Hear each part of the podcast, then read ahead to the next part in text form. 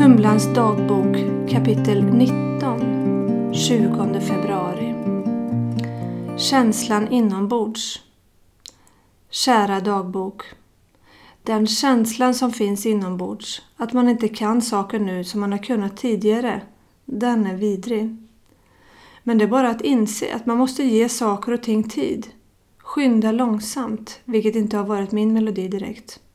Jag är ivrig, jag vill vara bra och jag vill vara till hjälp.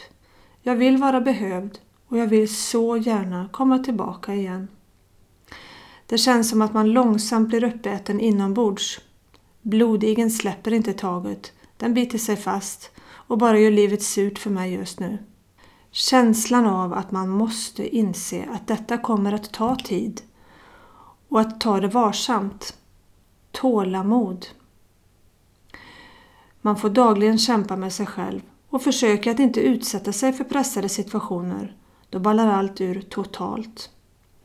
Hjärtklappningen kommer som ett brev på posten. Som en påminnelse om att något inte står rätt till. Så fort de trängda situationerna dyker upp, då blir jag arg och ledsen. Det är svårt för min omgivning att förstå läget, men det värsta utav allt, det är att jag inte kan hjälpa det. Själv vet jag ju att detta är så som sjukdomsbilden ser ut. Och man kan ju alltid önska att tiden läker alla sår.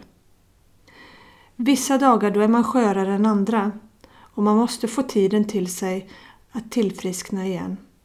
Något som man har lärt sig på vägen är att man måste lyssna på kroppens signaler och förstå vad som den vill förmedla. Det gör riktigt ont i kropp och själ när blodigen suger sig fast. Då är det viktigt att inse att man behöver ta ett steg bakåt och ta det lite lugnt.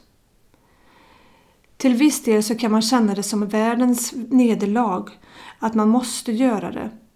Men då får man inte glömma bort hur många steg man har lyckats att ta framåt och åt rätt håll den sista tiden. Idag behöver jag en vilodag och valde att inte ta mig till jobbet utan bara ta det lugnt, precis som min kropp faktiskt flaggade om. Vad du än gör, gå inte tillbaka till vad som en gång bröt ner dig. Glöm inte av att det är du som har huvudrollen i ditt eget liv. Se till att vara rädd om dig och gör bara sånt som du mår bra av.